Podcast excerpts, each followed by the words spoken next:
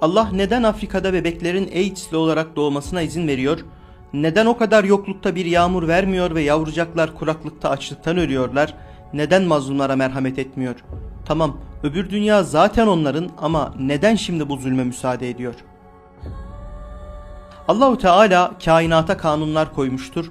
Tüm bu soruda sayılanlar kanunların neticesi olarak ortaya çıkar. Cenab-ı Hak bizatihi ehadi tecellisiyle bunları yapmaz. Hatta tam aksine insanın fıtratına bu bozgunculuğun tersi yönde vicdani bir temayül koymuştur. Ama Allah insana irade de verdiği ve onu bu konuda özgür bıraktığı için çok büyük hikmetlere matuf olarak yarattığı insan yeryüzünde kan dökecek ve fesat çıkaracak bir mahluk olabilmiştir. Burada asıl olarak şunu sormamız gerekiyor. Peki öyle olmasaydı da nasıl olsaydı? Bu soruya cevap vermeye çalışırsanız iki yolunuz var. 1. Ya diyeceksiniz ki kanunlar olmasın, bazen keyfi müdahaleler olsun. Mesela biri bir çocuğu dövmeye kalktığında başına yıldırım düşsün vesaire. Böyle bir durum hiçbir terakkiye izin vermeyeceği gibi aklın, iradenin bütün fonksiyonlarını elinden alır ve kaş yapayım derken göz çıkarmış oluruz. 2.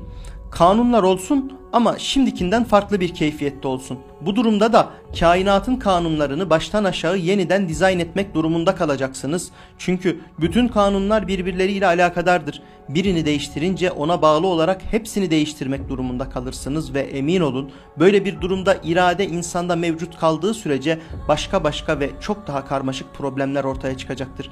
Aklınız kainatın mühendisliğine yetecekse bir deneyin, bir kainat tasarlamaya çalışın mesela. Kaldı ki insanoğlu yeryüzünde zulüm olmasın diye bir araya gelip topluluk halinde bu problemleri yok etmekle vazifelidir. Evet bu insanlık için bir vecibedir. AIDS'i ortaya çıkaran insanın hatalarıdır. AIDS'e çare bulmak da insanların vazifesidir. Yeryüzünde bir kesimin çalışmadan refah ve lüks içinde yaşaması insanın hatalarının bir neticesidir.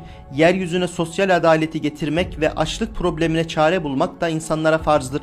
Bununla birlikte iman eden insanlar için sorunun son kısmında kısaca değindiğiniz gibi ahiret asla unutulmamalıdır. Allah adili mutlaktır. Kimseye zerre miktarınca haksızlıkta bulunmaz.